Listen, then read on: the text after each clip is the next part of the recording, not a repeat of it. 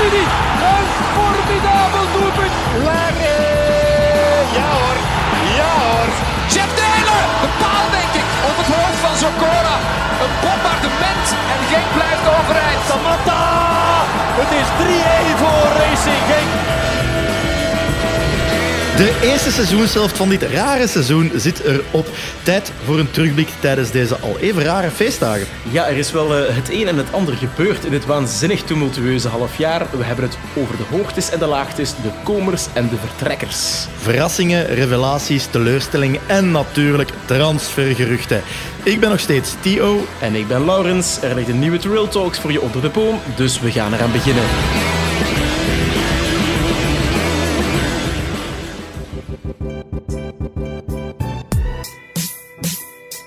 Laurens, hoe waren de feestdagen voor u? Of, hoe zijn de feestdagen? Even zo off guard gepakt. Ja, ik schuif hier met een eh, halve indigestie mee aan tafel. Dus eh, er is- valt veel om te verwerken, maar ook, Ik dacht veel, al dat ik iets er ook. maar ook veel voetbalnieuws. Hè? Dus, eh, Ja, sowieso. Dan gaan we gewoon beginnen. We gaan Waasland, Beveren. Ja, de wedstrijd thuis tegen Waasland-Beveren had niet het verhoopte resultaat. We zijn blijven steken op een, eh, op een 1-1. Eh, Waasland-Beveren, misschien toch wel, ze gaan het opwerpen tot ons eh, zwarte beest. Maar eh, wat vond jij van de wedstrijd, eh, Theo? Ja, 1-1 opnieuw punten laten liggen tegen Waasland Beveren. Hoewel ik ze sterker vond dan de eerste keer dat we er tegen speelden en toch nog de punten uit handen hebben gegeven. Ik heb wel een paar, een paar bedenkingen opgeschreven tijdens de match. Ik heb de hele match gekeken. Ik weet niet of dat jij alles gekeken hebt. Ik heb ook de hele wedstrijd gezien. Ik vond aan de opstelling vond ik het vreemd dat Kouassi niet heeft mogen starten. Want iedereen was er vrij enthousiast over. Die speelden een goede wedstrijd. Ik ben niet de grootste Kouassi-fan, maar ik moet ook toegeven, de laatste wedstrijd tegen Kortrijk was dat gelo- geloof ik, eh, dat hij heeft gespeeld, was echt goed. Mocht niet starten. We zijn gestart met Uronen op rechts, Arteaga op links en Munoz terug rechts centraal achteraan. Eh, ik kan die keuze ergens snappen, maar toch zou ik iets hebben gehad van kijk, het was goed vorige keer, want het grote probleem is Uronen op rechts Ja. werkt niet. Eh, waarom ook gewoon niet starten met Melen? Was het de reden van gaan we, gaan we ons al voorbereiden op de, op de leegte Ik denk dat was, uit, dat was uit onderling overleg gebleken dat hij niet meer wou aantreden in het Genkse Hij wou het zelf echt niet. Hij wou het zelf niet meer, al merkte ik wel op dat hij wel intensief aan het opwarmen was tijdens de wedstrijd. Ja, dus ik denk, dat, ik denk wel dat Van den Brom overwogen heeft om hem alsnog te brengen, maar opteerde dan toch in de laatste instantie voor Brian Limbombe, die wel zeer kwik inviel. Dus die Ja. had wel mijn, eh, mijn notaboekje in als, eh, als, een zeer geslaagde invaller. Ja. Maar zoals je zei, ehm Urone, die daar op rechts posteert, aanvat. ehm, ja, de, de, de, de hele synergie tussen Ito en Melen die daar wegviel, eh, dat zorgde ervoor dat we heel weinig verrassend waren.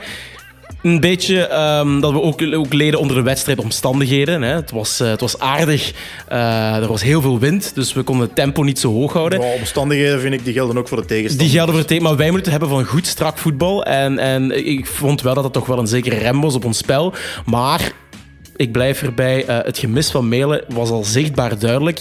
En eh, ja, als je dan ook nog niet volledig in vorm bent, individueel niet top bent, dan eh, ja, ga je er als collectief ook niet in slagen om resultaten te behalen. We zagen het in het begin, het was een heel behouden begin. Er zat weinig tempo, weinig energie. Veel spelers onder hun ni- niveau. En wat me snel opviel, Rosowski opnieuw, hè, die loopt heel veel en, en hij zoekt en hij probeert, maar het is echt een vroeter en het kwam er gewoon niet uit. Hem viel me heel snel op, opnieuw door zijn toedoen heel vaak balverlies geleden, veel verval in het spel, afval in het spel. Eh, Arteaga vond ik ook. Hij begon vrij goed, maar is gewoon compleet weggedemsterd. Ik denk niet dat hij veel de achterlijn heeft gehaald. Nee, ja, die zit nog duidelijk met een, eh, met een aanpassingsprobleem, denk ik. Hè. We gaan hem wel nog het nodige krediet geven. Dat Ja. doen we met iedere speler. Dus ik wil hem daar zeker voor niet eh, allee, met de beschuldigende vinger naar hem wijzen. Maar Rozovski is wel een heikelpunt. Hè. En, en ook wel een probleem. Het is een speler die van zodra een ploeg ja, op volle toeren draait, die dan wel zijn basisplaats enigszins kan rechtvaardigen, goed meetikt. Maar het is niet eh, de speler, en toch wel een vrij cruciale positie, die eh, je team over een doodpunt kan tillen. En dat is het probleem met Rozovski. eh, ja, dat het niet genoeg is in die centrale as. We moeten langs Heine een veel, veel, veel creatievere en stevigere speler hebben staan. Om, om de opstelling in balans te houden, want we spelen nog altijd in die 3-4-3, is natuurlijk wel nodig dat er balans zit op het middenveld. Dus dat Heine meer offensieve en vrije geleide krijgt en dat Rossovski in de recuperatie vooral van tel is. En hij deed het ook wel goed in de recuperatie. Nog niet in de aanvangsfase Hij van de wedstrijd. Hij blinkt niet uit. Uit in het aanvallen. Hij blinkt niet echt uit in het verdedigen. Hij maakt wel veel vu- vuile meters. Maar als het gaat om, om daar een recuperateur liever naast te zetten, kies gewoon voor Wouters of Kouassi daar te zetten. Ja, oké, maar dan Wouters en Kouassi ook mee eh, op de centrale as. Dan vind ik, dat ga je misschien aan voetballend vermogen erop achteruit. Mogen we zeker niet doen. Hebben we eh, begin van het seizoen ook gedaan. Het probleem met Rozovski vind ik, eh, dat is een beetje contradictorisch. Je hoort vaak van spelers die, die goed zijn tegen laagvliegers en tegen middenmotoren.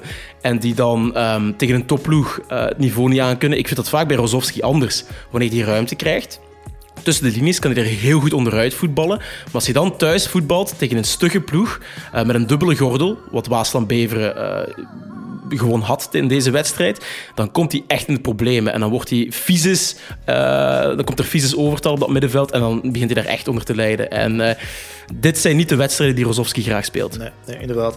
Gelukkig staat Brian Heijnen daar wel naast en heeft hij de pre-assist, denk ik. De pre, ja, de pre-assist. Hij geeft een pre-assist en dan de- eh, kruipt Urone er heel mooi voor, Ja, maakt ja. ruimte voor Onuachu, die heel dat beheerst was eh, heel goed gedaan van uh, Urone. Ik denk als, als Urone die bal meeneemt, dat hij die ook wel in de korte hoek kan binnensteken. Hoewel, ja, linksbak weet het nooit.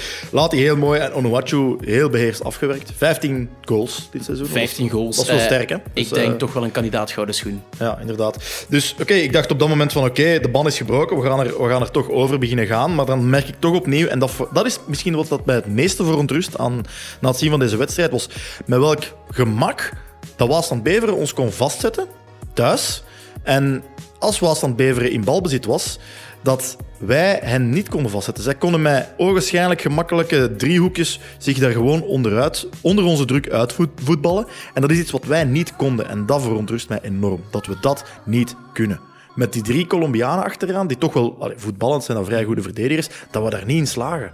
Dat, Ja. vind, ik, dat vind ik heel, heel, dat, dat vind ik echt een- misschien het grootste manco aan dit Genk momenteel. Ja, inderdaad. Als wij onder druk komen te staan, als we tegen een, eh, een ploeg komen te staan die zeer goed pressing zet ook, op, je, op de juiste momenten, dan, eh, ja, dan ondervinden wij daar last van. En het is in die wedstrijden gebleken dat we dan ook vaak punten laten liggen. Dus dat is zeker en vast een werkpunt en iets dat tijdens de winterstop toch gaat bijgeschaafd moeten worden. Ofwel in het spel, ofwel door eh, toch enkele gerichte aankopen nog te doen. om daar ook wel extra troeven te voorzien dat we daar onderuit kunnen gaan voetballen. Want dit vind ik nog een heikel punt over deze wedstrijd. Het feit dat je amper wisselmogelijkheden hebt. Om toch nog het geweer van schouder te doen veranderen en om die wedstrijd in je voordeel eh, eh, te beslissen. Ja, want Van den Brom had vijf wissels, heb ik gelezen. Uh, hij had vijf wisseld, maar, maar oké, want er is heel veel kritiek op John van den Brom geweest. En eh, die was deels terecht. Maar ik vond eigenlijk dat je hem voor de wedstrijd tegen Beveren, dat je hem amper iets kon verwijten. Want ik vond de wissels die hij deed, waren wel goed. En waren ook wel de wissels ja. die nodig waren om meer snelheid en dynamiek in het spel te brengen. En in die zin was de, de keuze voor Limbombe gerechtvaardigd. De keuze om Urone terug op zijn vertrouwde positie te zetten recht, gerechtvaardigd. En een tegenvallende Arteaga van het terrein te halen. Ja. Dus, ja, toen is eh, de, veld, de veldbezetting ook veranderd. ja, en toen eh, eh, hebben we ook in, in, in het laatste kwartier veel meer kansen afgedwongen Ja. dan over de hele wedstrijd. Dus dat kunnen we als iets positiefs meenemen. Het negatieve is dat de wow-factor er een beetje af is. Ehm, Ja, de glans is een beetje van ons spel af. Uh, Ja. we, we, we raken moeilijk onder de druk uit. En de manier om onder de druk uit te voetballen is een hoge balcirculatie, snelle balcirculatie. Mhm. Uh, dat is wat we wel hadden in de wedstrijden waar we, waar we ons niveau haalden, zeg maar. Mhm. En deze wedstrijd echt niet. Ik denk deels kudos aan Waasland Beveren en Nicky fucking Haaien, die het toch weer eh, flikt. Flik. Deels daaraan, maar deels ook gewoon dat veel spelers onder hun niveau bleven. Maar oké, zwart. De vrije trap komt dan. Hè. We gaan even chronologisch nog door de match Ja. lopen. Vrije trap komt, gedragen door de wind of niet, maakt niet uit. Het was een hele goede vrije trap. Mhm. Eh, ik ben nog in mijn jonge jaren doelman geweest. Ik had iets van, ja, oké, is goed getrapt, maar de vinger wordt hier en daar toch naar, naar Vuko gewezen. Dat hij ja, hij, hij krijgt ook maar een, eh, maar een 4 op 10 Ja. eh, als notering in het, eh, in het belang van Limburg. Keepte niet zijn meest doortastende wedstrijd. Dus de Vukovic van het begin van het seizoen... Die zou ja, die bal uit, de- uit de haak Die zou die sowieso uit de haak gevlogen hebben, denk ik wel.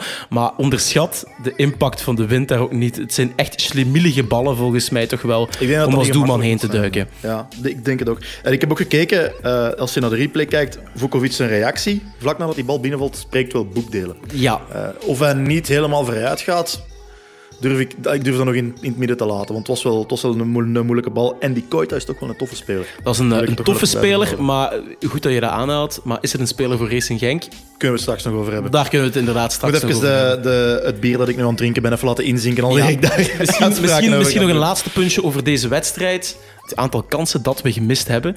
Is dat het ontbreken van het geluk van de kampioen? Of zeg je gewoon van... Nee, we zijn gewoon niet top op dit moment. En eh, dan kom je automatisch met deze spelerskern in de problemen. Hele goede vraag. Eh, ik ben geneigd om, om iets te zeggen wat in de buurt van, uw tweede, eh, van het tweede punt komt. Als we ons niveau hier halen, hoeven we nooit te prediken over oh, we hadden pech en oh, Lukumi en, eh, en wie was het allemaal? Op de- en Ito, Ito. en Bongonda op de paal. Oh, zo jammer, zo jammer. Bij ons in Leuven zeggen we in Pellenberg winnen ze met, met een half. Dat is omdat het, het gekkenhuis staat in Pellenberg en daar winnen ze met een half.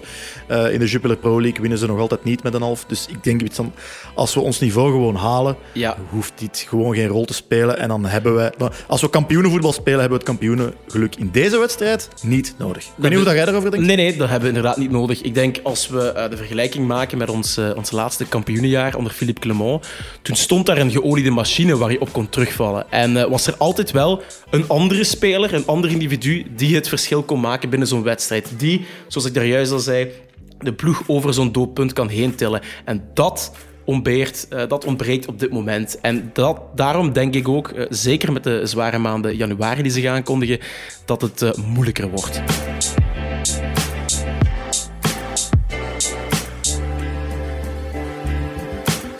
Ja, ondanks de negatieve teneur sluiten we het kalenderjaar wel af als tweede. Als tweede. En wie had dat gedacht ergens eh, medio september, toen we nog eh, in de grijze middenmoot eh, bengelden, dat we op deze positie dit kalenderjaar kunnen afsluiten. Maar toch, het blijft een raar seizoen. En het is zo'n raar seizoen dat we eigenlijk al in de terugronde van vorig seizoen zijn begonnen aan het huidige seizoen, als ik het taalkundig Hey, verschrikkelijk mag uit. Inderdaad, maar nee, dat is geen probleem. Ik vond dat de terugronde van het vorig seizoen, ehm, ja, de, de pijnpunten van de- het begin van het huidige seizoen wat blootlegde. Dus we zagen toen al paar zaken die symptomatisch waren voor ons voetbal, als ook van de, de, de resultaten die daaruit zijn voortgekomen. Eh, toen zagen we ook zeer wisselvallige re- resultaten, met af en toe goede uitoverwinningen bij middenmotors, zoals Zotte Waregem, toen Kortrijk en Oostende. En het waren door die wedstrijden dat we onze kansen op play-off 1 gaaf hielden. Eh, maar we gingen tegelijkertijd ook roemloos onderuit tegen Gent, Standaard en Brugge, waarvan twee keer toen in eigen huis. En ik vond dat dat wel iets was dat we in het begin van eh, dit seizoen ook eh, terug eh, zagen komen. Hè? Dat was dus onder Hannes Wolf. Hannes Wolf die heel vaak switchte tussen de, de 4-2-3-1 of een 4-3-3. Dus te zien hoe dat ze... De man die niet wist van en welk hout pijlen 4-4-2, maken. Ja, voilà. Dus dat waren zo wat de twee systemen of velbezittingen, zeg maar, waartussen hij, hij schipperde. Dit seizoen dan zijn we begonnen op Zulte Waregem met een zegen. Hè. We komen daar eerst nog op achterstand, omdat niemand minder dan de grote, eh, Ja. hoe noemt hem, eh, de schacht. Met een prachtige Met kopbal. eh, prachtig- oh, iedereen vond het zo fantastisch, maar tot spijt van wie het benijdt, haalt Genk daar wel de drie punten. Ja. Eh, teneur was goed, hè. Dessers scoorde, dus uit van op penalty, maar dat kon. Maar kijk, we winnen daar, onze twee spitsen scoren. Goeie start en dan begonnen we eigenlijk te zwalpen. Hè. We zijn goed weggekomen tegen OHL. Eh, thuis. Eerste helft spelen we goed en dan ineens OHL die gewoon de wedstrijd in Genk in handen neemt, de promovendus. Ja, met Mercier die daar eh, Met zeer goed Mercier en. Thomas Henry die dan nog... eh, het was al half en half een, een goal, maar het was een goal. Ze verdienden die goal ook. En dan echt nog aanspraak maken op die penalty op het einde. Hè. Ja. Hoe goed komen we daar weg? En dan wat een schande, want veel van mijn, allee, een paar van mijn collega's en vrienden zijn, zijn OHL-supporters. ik ben met het schaamrood op de wangen toen moeten gaan toegeven. Terecht. Want toen was het nog geen lockdown, toen mochten we nog dingen doen. Eh, Oh, dat ken ik niet meer. eh, voilà. Pre-coronatijd. komen we echt goed, eh, goed, goed, goed weg thuis tegen OHL. Uh, Ops Clessin, beide ploegen zwaar onder hè? Dat was een absolute non-match. Verschrikkelijk, verschrikkelijk. Eh, en dan thuis verloren van Brugge. Eh, Oké, dat is... Dat valt te Dat is niet een schande, maar Brugge was ook niet top. top hè. Brugge was- Brugge was niet de machine, als ze soms door bepaalde kranten wordt beweerd dat, eh, dat, dat het zijn. Eh, en dan tegen Beerschot, ja, zijn we kansloos onderuit gegaan. Beerschot was, was heel, heel goed. Ook de, de gedoodverde gouden schoenwinnaar Rafael Holzhauser was ook heel goed in, in, in heel goede doen. En dat was de zwanenzang voor Wolf. Eh, terecht, hè, want daarmee dat ik ook eh, net aangaf, het, het begin van het huidige seizoen begon al bij de terugronde. Er stond geen systeem en het leek wel alsof eh, ja, Wolf zijn plekje op de bank rechtvaardigde door af en toe eh, een heel goede uitoverwinning of zo te behalen. Zo kwam het tot mij altijd over. Maar uiteindelijk, er stond geen ploeg, er zat geen systeem in. Spelers hadden geen vertrouwen. Ehm, je zag ook echt wel eh, bijvoorbeeld, ja, er waren toch interne conflicten ook in de kleedkamer. Uh, Wolf die de ene week vertrouwen gaf aan Rozovski om hem de, de, week erop gewoon op de tribune te zetten. Dat doe je niet als je een, een, trainer bent met veel psychologisch vernuft. Doe je dat niet. Dus ja, het, het, het, vertrek kwam niet te vroeg, zeker en vast niet. Dus toch de zwaktes die hem werden toegedicht toen hij trainer werd van Genk. Te analytisch, te cool, te jong, niet genoeg ervaring. Heeft, hij had de kleedkamer niet echt in, in handen. En inderdaad, zoals we in een eerdere aflevering had al gezegd, de spelersgroep heeft nood aan een vaderfiguur. Wolf was eerder een, een, een stiefbroer. Ja, was een stiefbroer. Was ook niet veel ouder. Was ook niet veel ouder. Ja, inderdaad. En dan onder hem is ook dat hele gedoe met de Waast begonnen? Is uh, inderdaad onder hem begonnen. Nu goed, uh, Sebastien de Waast vind ik, daar gaan we ook niet te veel over uitweiden. Als je drie keer slaags geraakt met een speler op training, dan eindigt je verhaal. En uh, dan is geen enkele trainer daar begrijp, voor. Ik begrijp de persoon de Waast niet, hoe die, hoe die tijdens het kampioenenjaar misschien ervoor zich echt opwierp als leider en echt spelers in de kleedkamer naar zich toe wist te trekken, de supporters ook wist op te jagen tijdens een wedstrijd, in de goede zin. Ja. Uh, echt een van de sterkhouders is van de kampioenenploeg. Ook het jaar daarna, het, het, het liep allemaal slecht, maar nog steeds wel een van de palen boven water was, om het, om het met een raar gezegde te zeggen. Uh, altijd uh, liep te dwepen en grote sier maken met, met Kaarse Genk, tatoeage van Kaarse Genk zetten en dan nu dit. Ik denk dat dat nog het grootste bewijs is dat hij niet de, de, de slimste speler is. Uh, Dan nog een tatoeage zetten van Racing Genk. Wetende dat, dat je in het voetbal... Ja. ja, maar goed, dat is heel sympathiek. En supporters vinden zoiets op dat moment heel sympathiek. Maar het getuigt wel dat het een speler is die gewoon niet veel nadenkt, want je weet nooit wat je toekomstige carrièrepad, uh, wat, dat, wat, wat er op je toekomstige nee, carrièrepad komt. In het verleden zouden we perfect hebben kunnen zeggen, dat is de schuld van het bestuur of de ja. schuld van de TD. Nee, hij heeft zich laten zot maken. Keer, hij heeft zich laten zot maken door een manager, Bayat, die, die zeer goed uh, weet te manipuleren of zeer goed uh, spelers weet naar de, naar, naar de uitgang te duwen, gewoon om ook wat transfergelden los te maken natuurlijk, voor de eigen, voor de eigen portemonnee. Dus uh, nee, het verlies van uh, De Waas uh, mag uh, niet iets zijn dat uh, bij ons blijft hangen. We gaan straks nog lekker speculeren over waar de Waas naartoe zou kunnen gaan. Of waar hij misschien al naartoe gaat. Um, maar we gaan het er dus verder over hebben. Wolf heeft het debakkelen de Waas en het debakkelen Racing Genk, want dat waren we toen niet kunnen oplossen. Nee, maar dan startte de Copernicaanse omwenteling onder Torp. al bleek nadien de Kopenhaagse omwenteling.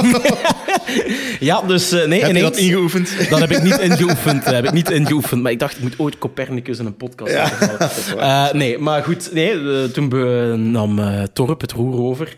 En ineens kwam... Niet ineens. Niet, niet ineens, nee. maar ik zou wel... Ineens, alles behalve ineens. Alles behalve ineens. niet, laat maar zeggen, voetballend. Maar was wel ineens vertrouwen. Er gebeurde wel iets... het maakte wel iets los binnen spelers. Ik ja. zag toch ineens een Bongonda het terrein opstappen met ik ben een leider. En dat misten we toen uh, ja. op het terrein, leidersfiguren. En hij gaf eigenlijk die verantwoordelijkheid mee aan spelers van... Jullie, uh, aan, aan, zijn beste spelers van jullie kunnen zich als leider profileren op het terrein en neem de rest van de jongens mee. En dat gebeurde pas toen voor de eerste keer. En ik denk dat dat uh, net uh, het introduceren van het 3-4-3 het belangrijkste is dat Torp heeft, heeft bijgedragen. Dat haalt je inderdaad aan, het introduceren van de 3-4-3. Torp komt uit de, uit de auditwereld, heeft gewerkt voor Ernst Young, dacht ik, voordat hij echt in het voetbal... Dat kan, ziet er wel uit als iemand... Ziet er wel zo in uit. Maar hij heeft dus echt, volgens mij, heeft hij echt een, een audit gedaan van de spelerskern en gekeken van, wat zijn de spelers die ik heb, wat zijn hun kwaliteiten en welk systeem past daar het beste bij. En dan zijn we uitgekomen bij die 3-4-3. We hebben het erover gehad, in, over, de, over de pros en cons in de vorige afleveringen. Een van de pros was inderdaad, Bongonda gaat meer in het centrum posteren, krijgt een meer vrije rol, kan zijn ding doen en zijn kwaliteiten komen dan En voor mij het belangrijkste, de tandem Mele-Ito dat is het zwaartepunt, of dat was het zwaartepunt ja. van deze ploeg. Uh, het, het, is ook door die rechterflank deels dat we ook kampioen zijn gespeeld onder Clement. En hij heeft opnieuw ja, dat als zwaartepunt kunnen boetseren van deze, deze ploeg eigenlijk. Uh, en ook, ook, op een slinkse manier ons, ons um, ja, het missen van, van enkele creatieve spelers in het middenveld zo wat kunnen omzeilen op die manier. Dus uh, ja, heeft de flanken belangrijker gemaakt. Ja. Het was nog wel niet direct vanaf het begin. Eerst tegen Oostende en Wasland Beveren geven we opnieuw de drie punten weg. Hè. Beveren hebben we er juist al gezegd. Maar dan thuis tegen Charleroi sloeg de motor wel aan. Charleroi was toen wel nog steeds in goede doen. Ja. Ik denk dat wij hun slechte reeks toen hebben ingeluid. Mm -hmm. uh, op Gent dan bevestigd dat de grote match tegen Gent. Hè, dat was, wel niet met goed voetbal. Het was niet met goed maar voetbal, maar wel resultaat. En dan ja. Rozovski, die prachtgoal. Um, en dan thuis tegen Eupen hebben we echt geïmponeerd. Tegen een Eupen, ja, ik, allee, ik wil niet te hoog oplopen met Eupen, maar ik vind dat voetballend wel nog steeds een goede ploeg. Voor mij was de referentiematch wel daarna op, eh, op Cercle Brugge. Dat was eh, de Ja. beste wedstrijd van ze. Eh, het voetbal was inderdaad nooit echt, nooit echt top. Maar oké, het was tegen Eupen en dan is het gebeurd. Hè. Dus de, de, de Kopenhaagse... Omwenteling Omwenteling. maakte plaats voor het, het brom-effect. Of hoe gaan we het anders maar Ja, noemen? achteraf bekeken, is het erg dat Jes Torup weg is of niet? Ik denk toch op lange termijn wel. Ja?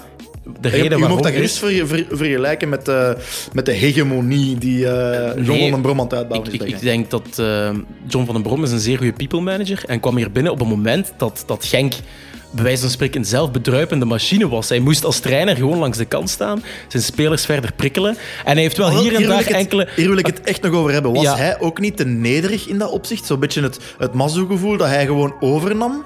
En, en ik had zo ook soms de indruk van... De eerste twee wedstrijden van John van den Brom had ik de indruk van hij staat gewoon langs de kant en hij kijkt hoe het, hoe het loopt. En het is nog altijd het werk van Jes Torup dat, dat het verder Oké, gaat. ik, ik denk dat hij er misschien wel slim aan gedaan heeft om, om gewoon zich wat meer op de achtergrond te houden.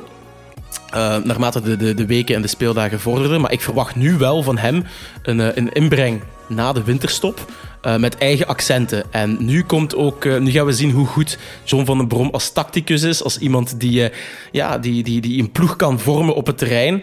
En dat is iets waar hij veel kritiek voor gehad heeft. Dus ik, ik, je vraagt nu van, ja, gaat Torp op lange termijn gemist zijn? Ik denk het nog steeds wel. Maar Van den Brom mag mij altijd verrassen.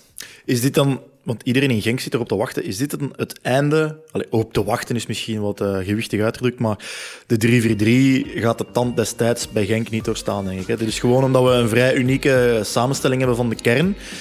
Gaat het lang duren dat hij overschakelt naar een 4-3-3? Of een 4-2-3-1 of iets? Of een 4-5-1 heb ik ook al gehoord dat de We, we mogelijkheid is. weten allemaal dat 4-3-3 dat dat een vertrouwd systeem is voor John van den Brom. Dus ik denk dat we ehm, in de terugronde wel meer van die 4-3-3 gaan zien. Eh, natuurlijk afhankelijk nog van wie vertrekt en wie blijft. Maar daar over die transferdossiers gaan we zelfs nog ons, eh, gaan we verder uitweiden. Oké. Eh, John van der Brom- zat nog in de tribune toen we de Limburgse derby wonnen.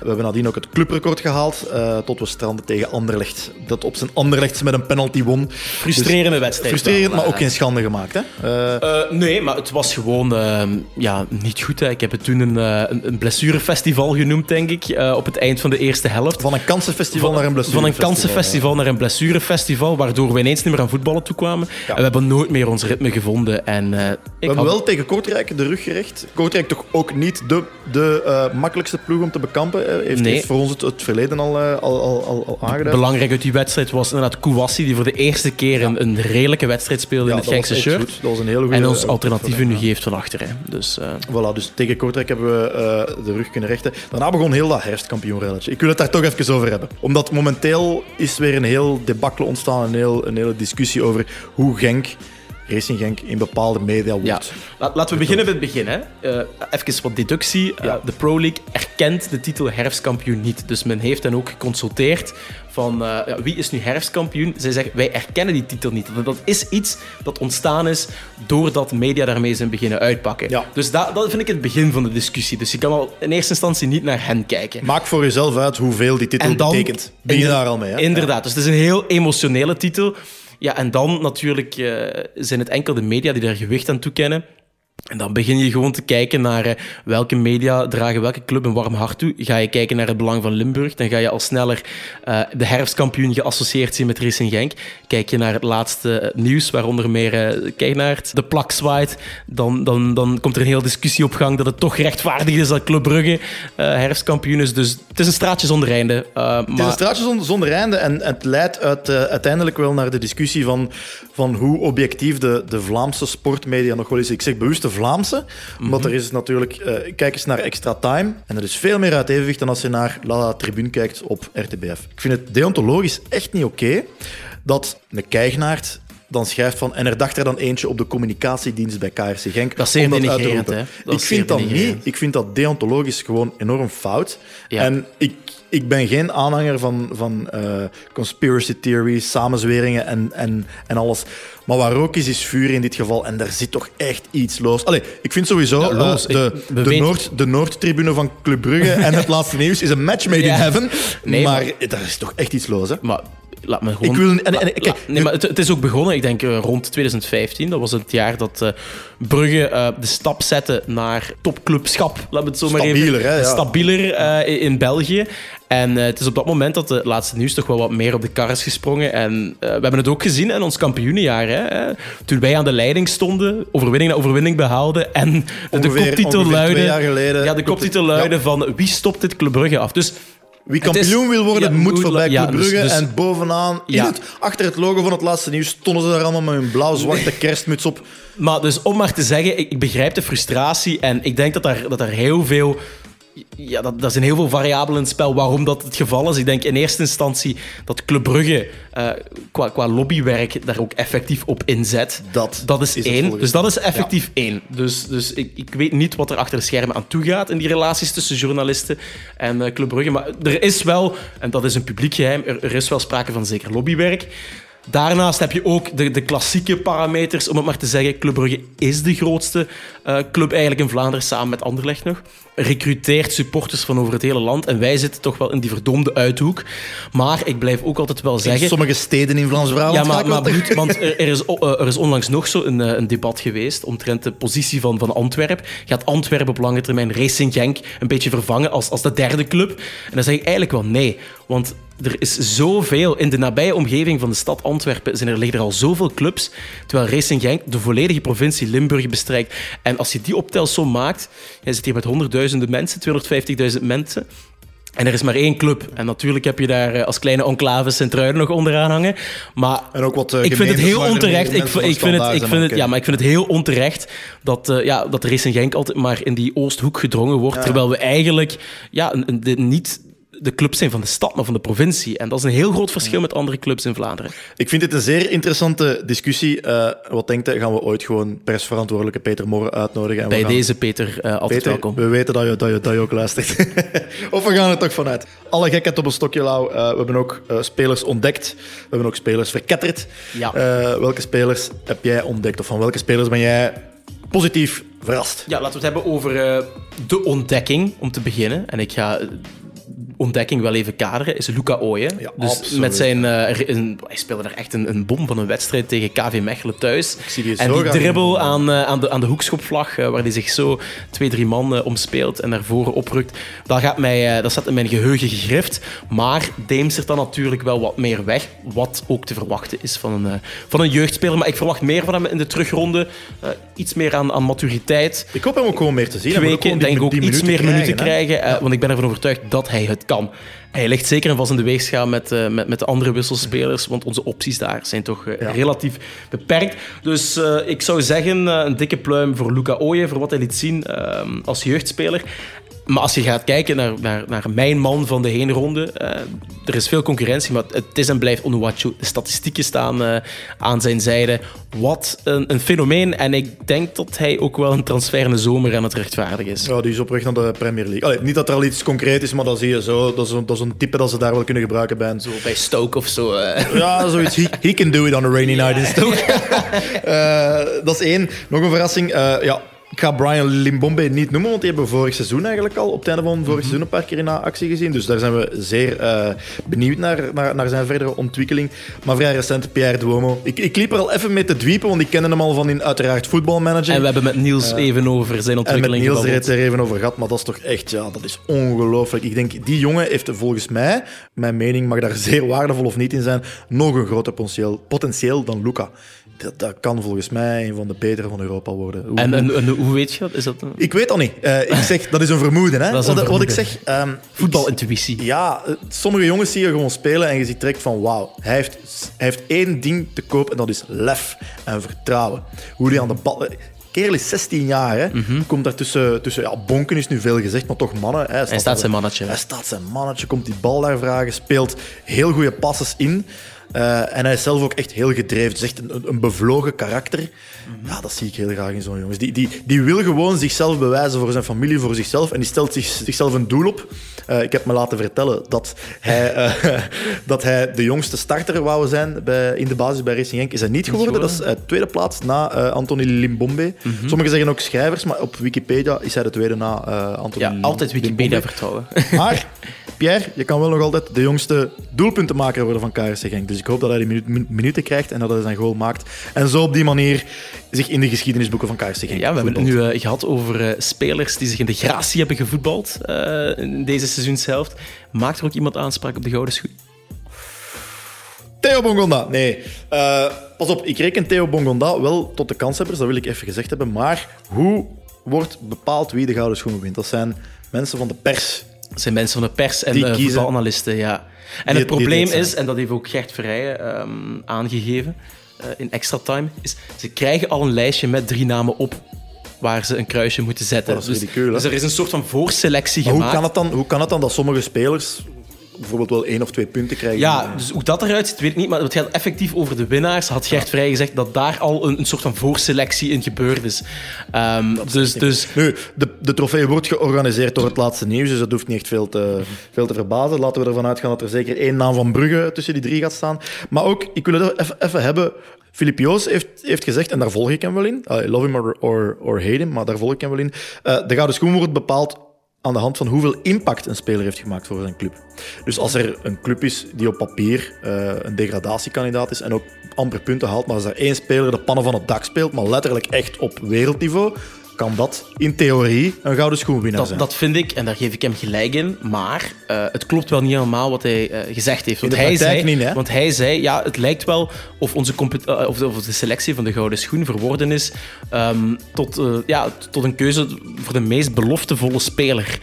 terwijl dat net niet waar is, want anders had Racing Genk veel meer gouden schoenen gewonnen ja. in de laatste jaren. Dan had Sander Bergen, of ja, we hebben hem ook verketterd, maar Pozuelo hem ook zeker verdiend. Um, en al, zeker andere jeugdige spelers. Mm -hmm. Dus uh, dat klopt niet wat hij dat zei. Dat klopt niet. En nog één ding wat dus de gouden schoen van dit jaar devalueert, en daar wil ik echt nadruk op leggen. Het is een totale devaluatie van wat de gouden schoen is. Ten eerste is het al dom dat je die uitreiking doet in het midden van een lopend seizoen in plaats van op het einde van een lopend seizoen. Waardoor ik iets meer belang hecht ook aan profvoetballer van het jaar, want dat wordt op het einde van het seizoen uh, gegeven. Maar de referentieperiode is gewoon de eerste seizoenshelft. Dus we moeten het gewoon hebben over de beste speler van deze eerste seizoenshelft. En er waren er zijn een paar spelers die ervoor in aanmerking komen, want er waren een paar clubs die even een hoogconjunctuur, waaronder Racing Genk, hebben gekend. Mm -hmm. Als we het chronologisch bekijken, wie ging heel goed van start dit seizoen? Dat was uh, Beerschot. Holshouser. Uh, kijk, dat hij genoemd wordt daarin, allee, ik, ik, mm -hmm. ik, lach er een beetje mee dat hij wordt genoemd. Uh, hij hoort zeker wel thuis, in de, zeker in de top 10. Ik, ik, ik ga het heel wetenschappelijk proberen te, te, beoordelen, waardoor dat waarschijnlijk de uitkomst die ik geef totaal niet gaat overeenstemmen met wat de, de persmuskieten denken. Ik kijk gewoon naar de statistieken. Holshouser uh, staat relatief hoog. Ik dacht derde achter Bongonda, of gedeeld met, met Bongola wat, wat, wat betreft het aantal doel, doelpunten. Give or take. Dan hebben we Bongonda. Die staat vrij hoog in de assist. Staat niet in de top 5 van assist, maar heeft wel 10 doelpunten gemaakt. Hang die assist daaraan vast en dan heb je wel al een aardig aantal doelpunten waarin hij betrokken was. Theo reken ik, durf ik wel tot de favoriet rekenen. Gewoon omdat er de concurrentie is ook. Er, er is geen is speler die, die echt zegt van ja, die kan het worden. Ja. De laatste tijd zie ik in, in bepaalde kranten, en niet alleen in het laatste nieuws, Noah Lang. Maar die is pas de Komt laatste vier, vijf matchen echt in gang geschoten. Daarvoor hebben we daar niks van gezien. Heeft ook niet veel gespeeld. Dus ik vind um, dat we wel het totale aantal gespeelde wedstrijden mogen, uh, mogen, mogen meenemen. Een naam die ik nog niet vaak heb gehoord, maar die ik wel erin wil meenemen. En een speler die ik ook graag zie spelen. Ik zou hem niet graag bij Genk zien, want ik denk niet dat hij, dat bij Genk zal werken. Alhoewel, kan ik misschien nog op terugkomen. Is uh, Mercier van OHL. Uh, hij is dé man die die ploeg laat draaien.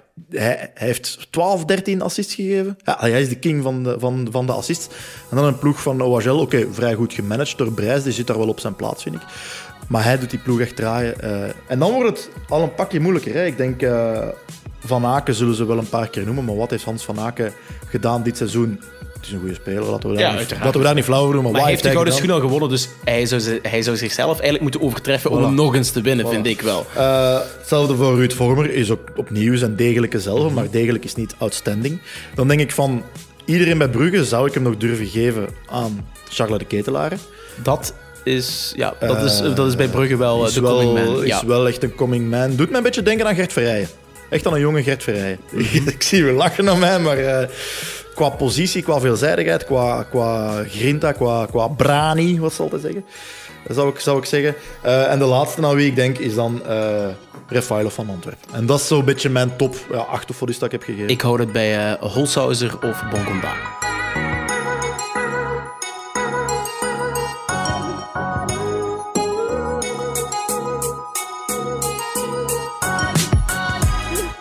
Dus Theo, eh, de maand januari kondigt zich aan als een zeer, zeer, zeer zware maand. Denk je dat dat eh, een impact gaat hebben op onze terugronde? Ja, absoluut. Hè. Ehm, we zitten een beetje in het slop wat betreft ons spel. Het is niet, het is niet top. Ehm, en ik denk dat we in januari, eh, dat wordt de allesbepalende maand. Hè.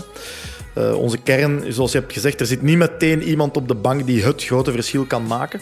Eh, zeven matchen in één maand, een korte winterstop, 9 januari beginnen we. Melen die we ook nog moeten vervangen op de koop toe. Melen die moet vervangen, dus we gaan geen tijd hebben om nieuwe jongens in, in te passen. Preciado, wanneer gaat die hier zijn? Hè, Ja, zo dat is ook, eh, dat is ook hebben. moeilijker. Ehm, dus ja, ik denk dat we op de limieten van onze kern gaan botsen. Te veel matchen op korte tijd. Eh, dus ik vrees dat, dat we de rol gaan moeten lossen echt in de titelstrijd. Mhm. Of dat wil zeggen of dat Club Brugge een vrijgeleide naar, naar de titel gaat krijgen of ook niet, weet ik niet. Ik zie, Hans van Aken wel vier speeldagen geschorst, kan eventueel ook wel impact hebben dat gaat nog wel wel worden teruggedraaid, denk ik. Eh, Ze zijn alles aan het inzetten om het eh, ongedaan te maken. Ehm, maar dat denk ik nu niet. Eh, is er een echte uit uitdager? Ik denk Antwerpen heeft het gehad. Na Exit Leco denk ik niet dat die echt nog eh, fel gaan uitdagen. Hoewel aan hen om het eh, ongelijk te... Het is ook gewoon echt een, een, een goede ploeg. Gent is eh, up and coming. Maar die moeten wel van heel ver komen. Ja. Eh, hebben ook tegen... Kortrijk, Tegen eh, Kortrijk, verloren. eh, dus ze zagen ook daar hen een halt toegeroepen worden. Nee, voor mij, ik ga ook daar heel eventjes kort in zijn. Ehm, ik denk dat er inderdaad twee factoren heel belangrijk zijn, ehm, waardoor we uiteindelijk misschien toch wel de titel gaan mislopen. Eén, het feit dat we de vervanger van Melen gaan moeten inpassen. En ten tweede, die o zo drukke maand januari. Eh, dat wordt op zich al een project eh, op zich om ons daarop te focussen. Dus ik zou nog niet zo ver kijken tot, eh, tot play-off 1 of, of het kampioenschap. Het gaat echt over het, ja, hoe, we, hoe die periode gaan kunnen overbruggen. En ik heb ook eventjes wat statistieken opgezocht. Dus er zijn inspanningsfysiologen geweest die onderzoek gedaan hebben naar het aantal speeldagen die nodig zijn voor spelers om te recupereren van een wedstrijd. En eh, het besluit daar, of de conclusie daar, is dat eh, spelers minimum drie werkdagen of wedstrijddagen nodig hebben om terug een volledige potentieel of rendement te halen in de wedstrijd nadien. En ik heb het eens eventjes snel eh, uit het hoofd uitgeteld. Dan gaan wij voor een viertal wedstrijden in januari in de problemen komen.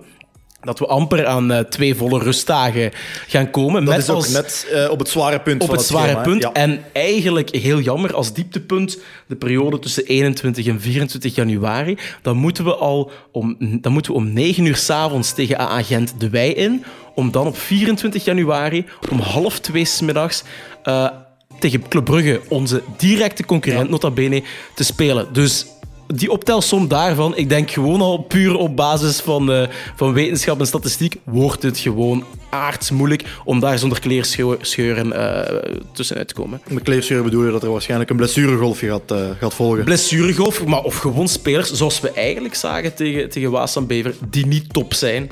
En eh, dit Racing Genk heeft ook al veel te weinig wisselmogelijkheden. Spelers, ja, onze spelers moeten top zijn om resultaten te halen. En ja, van zodra dat niet het geval is, dan, eh, ja, dan dreigt het kaartenhuisje soms eh, wat in elkaar te stuiken. Gaan we de top 4 nog halen, denk je? Dat wel. En eh, dit louter en alleen op basis van het feit dat het een heel raar seizoen is. Met, met alle topploegen die, die, die soms het spoor bijster kunnen zijn over enkele speeldagen. Dus zowel Antwerp, Standaard, Anderlecht, AA Gent hebben mij niet overtuigd dit jaar. En Club Brugge draait bovenaan mij. Ja, gewoon omdat, eh, omdat de rest het nalaat. Want ze zijn ook zelf niet top. Dus ik denk dat een, eh, een, een tweede plaats ehm, wel, wel, wel een positie is die wij kunnen targeten eh, dit seizoen. Ja, want ook, we hebben nog Anderlecht, die ook stilaan, waar de motor ook stilaan begint aan te slagen, waar wij het ook altijd moeilijk tegen hebben. Ik zie hen misschien ook nog wel play-off 1 halen, want we zijn met vier dit jaar. En dan is de vraag, ja, gaan wij het halen? Waarschijnlijk wel. Dus dan denk ik wij, Brugge, Anderlecht. En dan is de vraag Gent, Antwerp, misschien toch nog een revival van Beerschot. Nee, nee dat, dat niet. Ik denk dat eh, Leuven en Beerschot die hebben een klassieke piek gehad op het Ja. begin van het seizoen. De meeste punten verzameld. Eh, dat is ook vaak de instelling waarmee zij aan het seizoen beginnen. Op het begin moeten we het behoud veiligstellen. Dus al die focus gaat naar het begin van het seizoen. En dan ga je wel zien dat die nonchalance er, eh, er uiteindelijk gaat komen. Dus ik denk niet dat we nog met hun twee rekening gaan moeten houden. Nee, dus dan wordt het waarschijnlijk Gent of Antwerpen. Eh, Gent, al denk ik, die moeten wel aan een heel stevige inhaalbeweging beginnen. En zijn ook niet top, zoals net gezegd, ook op Kortrijk verloren. Dus eh, het gaat, denk ik, ik denk dat Club het uiteindelijk wel zal halen, maar wij eindigen op plaats 2.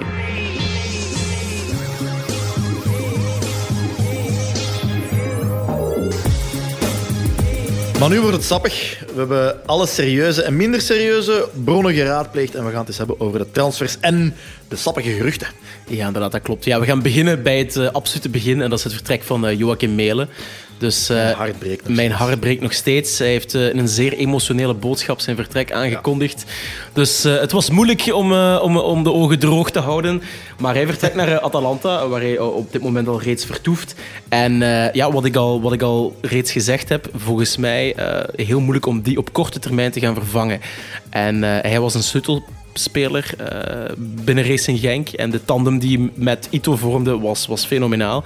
Dus om hem te vervangen, eh, dat wordt moeilijk. Maar de eerste vervanger is eh, aangetrokken. Ja, luister naar de naam Angelo Preciado. Preciado denk ik eigenlijk, want ze lispelen niet zo in Zuid-Amerika. Uit Ecuador, Independiente del Valle. Snel, wendbaar, halte achterlijn. Is fysiek echt een, een brok, hè, imposante verschijning. Maar hoe gaan we die hier krijgen met COVID, is nog maar de eerste vraag. Je, hebt, je hebt een waar scoutingsverslag over hem verzameld. Nee, ik heb geen scoutingsverslag over hem verzameld, maar ik eh, ben, ben wel eventjes in de statistieken gedoken. En daaruit blijkt dat hij qua profiel eh, wel deels aansluit bij eh, het type mailen, maar rukt zelf iets minder op. Is meer ook die koppelsterke verdediger. Iemand die minder langs buiten omgaat, maar zeer graag diagonaal het veld oversteekt. Dus naar binnen dribbelt, centraal. Ik heb een YouTube-filmpje gezien waar hij dat doet en dan zelf ook nog Continu. een geweldig schot afwerkt. Dus dat kan eventueel binnen een 3-4-3 wel wat problemen veroorzaken. Met het feit dat hij niet echt rijmt met dat systeem. Maar dat geeft wel aan John van den Brom de kansen om het een en het ander eh, bij te sturen tijdens de winterperiode. En dan kunnen we opnieuw misschien een verrassingseffect ontketenen in de, in de terugronde. Maar zoals ik zeg, eh, hij komt ook van een. Ja, Ecuadoriaans international, reeds zeven caps. Eh, dat is niet niks voor zo'n jonge speler. En komt ook van Independiente. En eh, over die club valt ook heel wat eh, te zeggen. Ik ben eventjes gaan duiken in de CONMEBOL eh. Dus dat is eigenlijk het, het. Zuid-Amerikaanse equivalent van, van de UEFA. En ook daar houden ze altijd eh, clubrankings bij. En Independiente komt er als tweede Ecuadoriaanse club binnen op, op plaats 20. Om maar even aan te tonen dat op plaats 20 in Europa Benfica binnenkomt. Dus het is zeker en vast niet zo dat het een, eh, een club zonder reputatie is in een klein voetballand. Want Ecuador heeft zich in de laatste jaren ook wel eh, ja, ja, opgewerkt tot eh, de grote challenger van het Braziliaanse en het Argentijnse voetbal. Dus ook ja, de omkadering waaruit hij komt, toch wel een dikke transfer lijkt me. zou dus een betere competitie moeten zijn dan de Colombiaanse competitie. Of, of, of, Eh, liggen, in de, liggen, in de, gelijk- liggen in de weegschaal, maar eh, op dit moment heeft eh, de Ecuadoriaanse competitie ja, toch nog iets meer topclubs en is de Colombiaanse competitie allround iets, iets sterker nog. Maar Independiente is wel een, is wel een van oudsher een topclub in Ecuador. Dan is maar te hopen dat we hem rap hier gaan krijgen met alle coronaperikelen van dien. Iemand die we ook nog snel hier gaan krijgen. Ja, het stond eerst nog in de voorbereiding tussen mijn geruchten, maar ik durf het, ik durf het wel aan te kondigen. Mark McKenzie. eh, Een naam is een klok. Een naam als een klok. Ehm, HBVL lijkt zeker van zo'n stuk. Intussen ook media van aan de andere kant van de oceaan lijken het te melden. Mark McKenzie wordt de nieuwe centrale verdediger van KRC Genk. Eh 21-jarige Amerikaan. Eh is een tweevoetige centrale verdediger. Dat Dat is niet heel vaak. Dus echt wel heel straf. Wordt wel aangekondigd als linksvoetig voornamelijk. Wordt aangekondigd als linksvoetig, maar ik heb de indruk dat hij, links, dat hij eh, tweevoetig zou moeten zijn. Ehm, hij komt van de Philadelphia Union. Dat is de club die de Eastern Conference als leider heeft afgesloten voor Toronto FC. MLS, veel mensen denken, ja, dat is geen waardemeter, dat is niet echt een competitie om, om rekening mee te houden. Eh, als, als bepaalde Spaanse daar uh, speler van het jaar kunnen worden. Maar de academy-spelers, dus de, de homegrown spelers van Ginder, worden steeds beter en beter. Ik heb een lijstje even opgezocht. Er zijn steeds meer Amerikaanse top toptalenten en Noord-Amerikaanse, want die ook in die liga hebben gespeeld. Uh, denk maar aan Pulisic bij Chelsea, is een heel bekend uh, voorbeeld. we hebben Serginho Dest, die nu bij Barcelona speelt. Giovanni Reina is de zoon van, van een voormalig keeper uit de VS. Speelt, speelt nu bij Dortmund, zou aangeschreven staan als een van de grootste talenten van Europa op dit moment. Uh, Alfonso Davies, uiteraard, de linksback van uh, Bayern München, is een van de beste linksbacks van, van de wereld. Dus de Noord-Amerikanen, ze komen eraan. Als het gaat over onze, onze Mark McKenzie, zou ongeveer rond de 4 miljoen kosten. Er is ook interesse uh, van Celtic en ook uit de Bundesliga. Want in de Bundesliga lopen ze echt storm voor de Noord-Amerikaanse jonge talenten. Dus dat wil toch wel zeggen dat daar, dat daar goed materiaal zit. Maar toch uh, wilt hij dan voor Racing Genk uh, uitkomen? Dat is weer praise voor onze club. Hè? Dat, dat onze club toch wel uh, een project kan voorschotelen. En, en, en ik denk dat ze in, in de approach, hè, zoals we vaak zien in, in, in interviews uit het verleden, vaak kijken naar het menselijke. Hè. Ah ja, uw familie kan hier ook komen wonen. En we hebben hier al een. Het belang van Dimitri de Condé dus, ook daarin. Ja, dus uh... echt zo'n heel menselijke aanpak. En er wordt ook zo het extra sportieve wordt zeker mee in rekening gehouden. Uh, en dan uiteraard, Genk geldt ook echt als een springplankclub. Mm. En dan komt het natuurlijk aan op de speler zelf. Wil hij op de bank gaan zitten bij Dortmund B? Of wil hij toch kans hebben op Europees voetbal met Genk? Dan zou ik altijd voor, uh, over, voor Racing Genk kiezen. Een andere, nog, een heel leuk weetje over, uh, over Mark McKenzie. Het is een podcaster. Uh, Echt? Ja, hij is, uh, dat eens uitnodigen, Hij is mede-host van de podcast Orange Slices, uh, waar hij met zijn gasten heeft over het verleden, heden en toekomst van het Noord-Amerikaanse soccer, om het zo te zeggen. Hij, hij is geflankeerd door een ex-Amerikaanse international die ik niet ken, daar moet ik nu wel eerlijk in zijn. Maar het gaat echt over hoe het leven is als Noord-Amerikaans voetballer. Dus zowel mensen die intussen retired zijn, als opkomende talenten, als huidige internationals. De podcast bestaat nog niet zo lang, maar is zeker wel leuk om te luisteren. Je hoort hem er ook aan het werk. Dus Orange Slices te volgen op de meeste podcastkanalen. Oké, okay, Mark McKenzie als podcaster moet dan wel een heel wijs man eh, zijn. We gaan, hem, we gaan hem zeker ooit eens uitnodigen. Oké, okay, uh, een andere naam uh, die al veelvuldig uh, op te tekenen was of te, te noteren viel, was Juan Tredoldi, als ik het goed uitspreek. Het zonder lispelen, want het is een Mexicaan. Oké, okay, misschien heb ik toch Een Mexicaan, een Braziliaan, sorry. een, een Braziliaan. Um, daar valt misschien toch ook wat over te zeggen. Um, het, het, al dan niet slagen van Braziliaanse uh, spelers in, in, in, Europese competities. Uh, zeker ook in de Jupiler Pro League. Uh, altijd wel weinig slaagkans. Hè. Ook bij Racing Genk. als ik al ga kijken naar het Braziliaans lijstje van spelers die hier gepasseerd zijn geweest. Ja, Thiago Silva, Natson, Neto Borges. Uh, Tormena Ederson, uh, Eddie Dos Santos, überhaupt, de man met de, de eeuwige O-benen, zo herinner ik hem mij nog. Ja, ja, ja. ja. Uh, dat is niet echt een succesvol lijstje. Hoe zou dat toch komen? dat Brazilianen nooit lijken te slagen.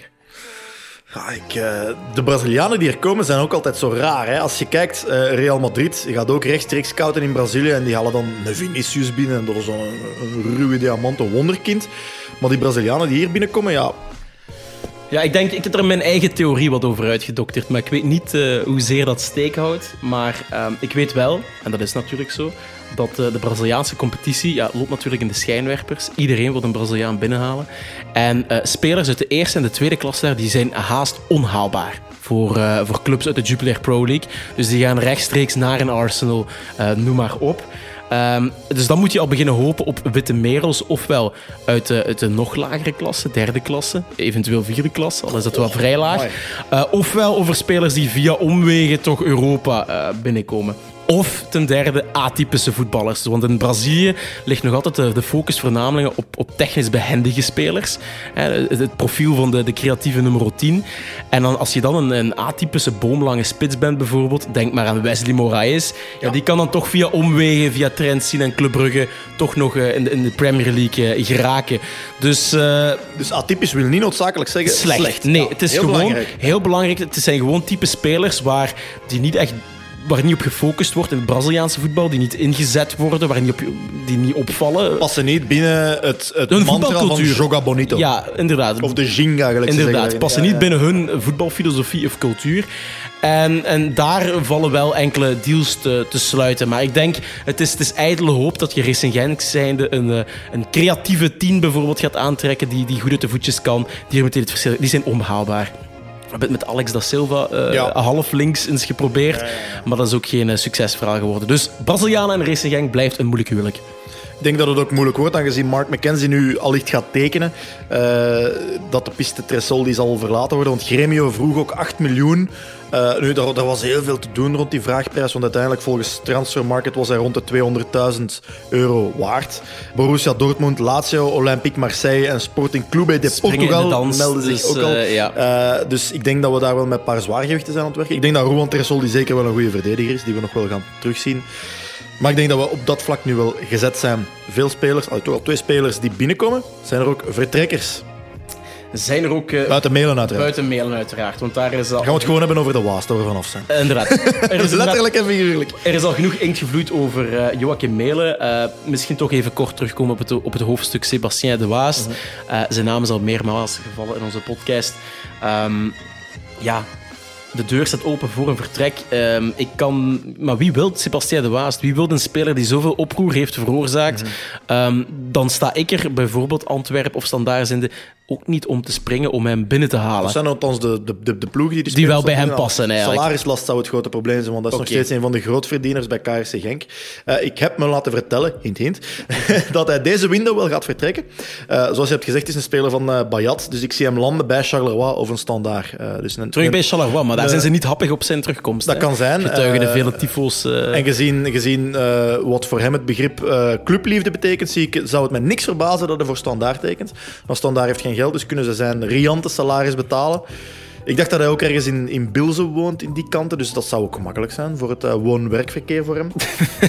Misschien- dan kan hij als, als, hij, eh, als hij voldoende matechecks krijgt van Standaard, dan zal hij wel eh, te overtuigen en we zijn. weten allemaal hoe het gaat. Dan binnen een paar jaar kan hij dan met een kopbaldoelpunten 1-0 maken tegen ons en zich Dat goed is- op de borst kloppen en het logootje van Standaard kussen. Bij laten tatoeëren op zijn. En bij laten tatoeëren of cover-up. Maar genoeg, want, Ja. genoeg over Sébastien de Waast. Ik denk dat we bepaalde spelers niet, niet zoveel aandacht moeten toedelen. Nee, klopt. Onder, onder die noemen we nog heel snel Gano. daar zou ook, die werd genoemd bij STVV, maar ik heb daar al even geen trail meer van gevonden. Nee, Dus Gano, eh, Gano wel inderdaad een voorbeeldprof in vergelijking met, eh met wel Sébastien de Waast. Maar wordt genoemd bij STVV. Maar om heel eerlijk te zijn, hoe Vaak, het hem gaat vergaan, ik denk niet dat eh, de gemiddelde Genkenaar daar wakker van ligt. Iets meer concreet is de piste Dali. Dali, inderdaad. Dus Dali die werd nauw gevolgd door zijn ex-club, St. Pauli. Maar FC Nuremberg springde de dans. Ehm, dus een club die, die er iets beter voor staat dan St. Pauli. Want die staan op, de, op, een, de- op een degradatieplaats in de, in de tweede eh, divisie. Financieel gaat het daar ook niet voor En de winst. financieel gaat er ook niet voor de wind. Dus FC Nuremberg eh, werpt zich op als een eh, zeer stevige kandidaat voor Dali. En ook daar, hij heeft te weinig gebracht. Ehm, De eeuwige belofte die bij Manchester United even leek door te breken. De eeuwige belofte. En, en ik vrees dat hij die stempel voor altijd zal meedragen. Dan is er nog, eh, zijn er nog uitleenbeurten nodig. Ja, we hebben Sierra die, die in de voorbereiding eh, hoge ogen gooide.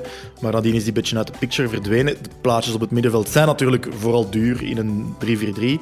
Eh, moet die uitgeleend worden van de Voort? Gaat die spelen in de beker, ja of nee? En dan hebben we nog het vraagstuk Bastien Thomas. Ja, in een 3-4-3 kunnen we daar niets mee Ik doen, zou- maar in een 4-3-3 zie Ik, ik zou. Sierra nog in de wachtkamer houden. Ik denk dat volgend seizoen wel het seizoen is dat hij zich volledig kan ontbolsteren. Dus als ik hem was, zou ik nog even afwachten. Van de Voort weet dat hij volgend seizoen de eerste doelman is. Weet hij dat? ik, ik ben ervan overtuigd dat er afspraken gemaakt Ik zijn. hoop het echt, is, eh, Ja, maar ik bedoel, verliezen. ik, Vukovic heeft ook altijd op die manier gecommuniceerd in de krant. Dat hij weet dat hij, dat hij nog één grote slag wil staan met Racing Genk. Er dit jaar alles wilt uithalen. Maar hij weet dat hij volgens mij volgend jaar niet meer de eerste keuze is. En dan heb je Thomas. Ja, ook hier aanpassingsperiode, net zoals Artiaga. Ook al komt hij wel eh, van, van een Europese competitie. Maar ja, Thomas op, op dit moment nog een beetje een lichtgewicht. En we gaan zien wat dat geeft. Maar ik, ik, ik ja, verwacht er op korte termijn niet veel van. Oké. Dan nog één ding. Ja, kijk, we hebben de, de, de inkomende eh, transfers, we hebben de uitgaande. Mag er voor jou nog iets bij? Mankeert er nog iets? Eh, Dimitri de Condé is uiteraard een grote fan van Terrell Talks. Wat moet, hij, wat moet hij nog binnenhalen? Nee, ik, eh, ik, ik leg mijn lot in handen van, van Dimitri. ehm, maar ja, zoals ik zei, de sleutelpositie is onze rechterflank. Hoe gaat Mele vervangen worden? Dus we hebben eh, met Preciado iemand nieuw aangetrokken. Maar goed, we weten nog altijd niet. eh, we zijn allemaal toch een beetje voetballeken hoe die, eh, hoe die zal gaan renderen. Maar voor mij is de meest cruciale positie om van tel te zijn in de titelstrijd de positie van Rozovski. langs Heine. Langs Heine moet echt een speler van kaliber staan. Geen jonge speler met veel doorkoop. Iemand die meteen die je meteen kan zetten en die meteen een meerwaarde kan hebben. En uh, die van dit seizoen echt nog een, een succesvol uh, seizoen kan maken. Dus dat is voor mij nog uh, de sleutelpositie die ingevuld moet worden.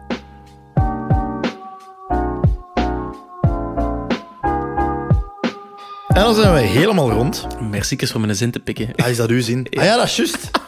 Die zeg ik altijd. Sorry. Dus ik ga nu ik ga de, ik ga de microfoon moeten kapen, uh, Theo. En ik ga zeggen, het is helemaal rond. Het is helemaal rond.